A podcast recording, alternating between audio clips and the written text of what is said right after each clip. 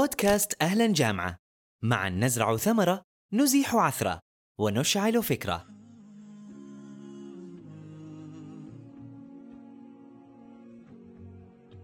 من هنا وفي هذه اللحظة ستبدأ الرحلة. سيخوض راكبها مسيرته الجامعية بطريقة غير تقليدية لأننا سنكون معا على هذه السكة. نجيب عن أسئلة نستمع لفضفضة ننتزعك من عمق تساؤلات لا منتهية من حيرة من مشاعر خوف ومواجهة للصعوبات إلى استقرار وكسر حواجز الخوف والوقوف رغم تلك الصعوبات. اقطع تذكرتك وانضم إلينا على هذه السكة لنجيب عن هل وكيف وماذا.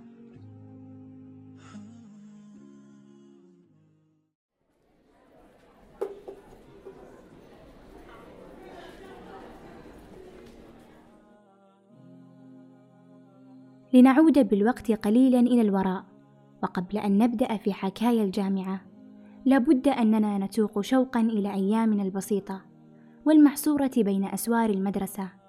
تلك الأيام التي كنا نبدأها بصباحات خفيفة يتبعها صخب الإذاعة وفوضى الطابور الصباحي وتساؤلات. اليوم في تفتيش. والتخطيط للنجاة من أيدي المراقبين. ناهيك عن الضياع بعد جرس الحصة الأولى.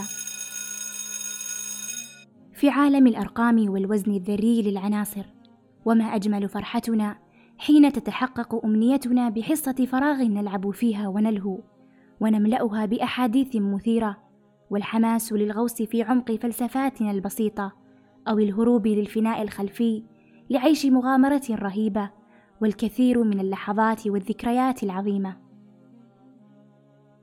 والأكيد إن كلنا عايشناها وشفناها. لذلك شاركونا نقطة التحول اللي نقلتكم من ساحة المدرسة إلى بهو الجامعة على حسابنا في تويتر.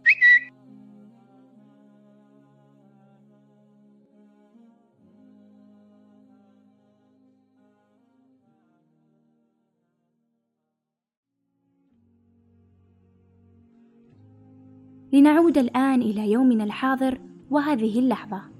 ونفتح صفحة بموضوعنا الجامعة لكن ما هي الجامعة في حقيقتها؟ هل هي التحدي الأكبر أم سبب مشاعر القلق والخوف أم هي لحظة الشداد ووقت إثبات الذات؟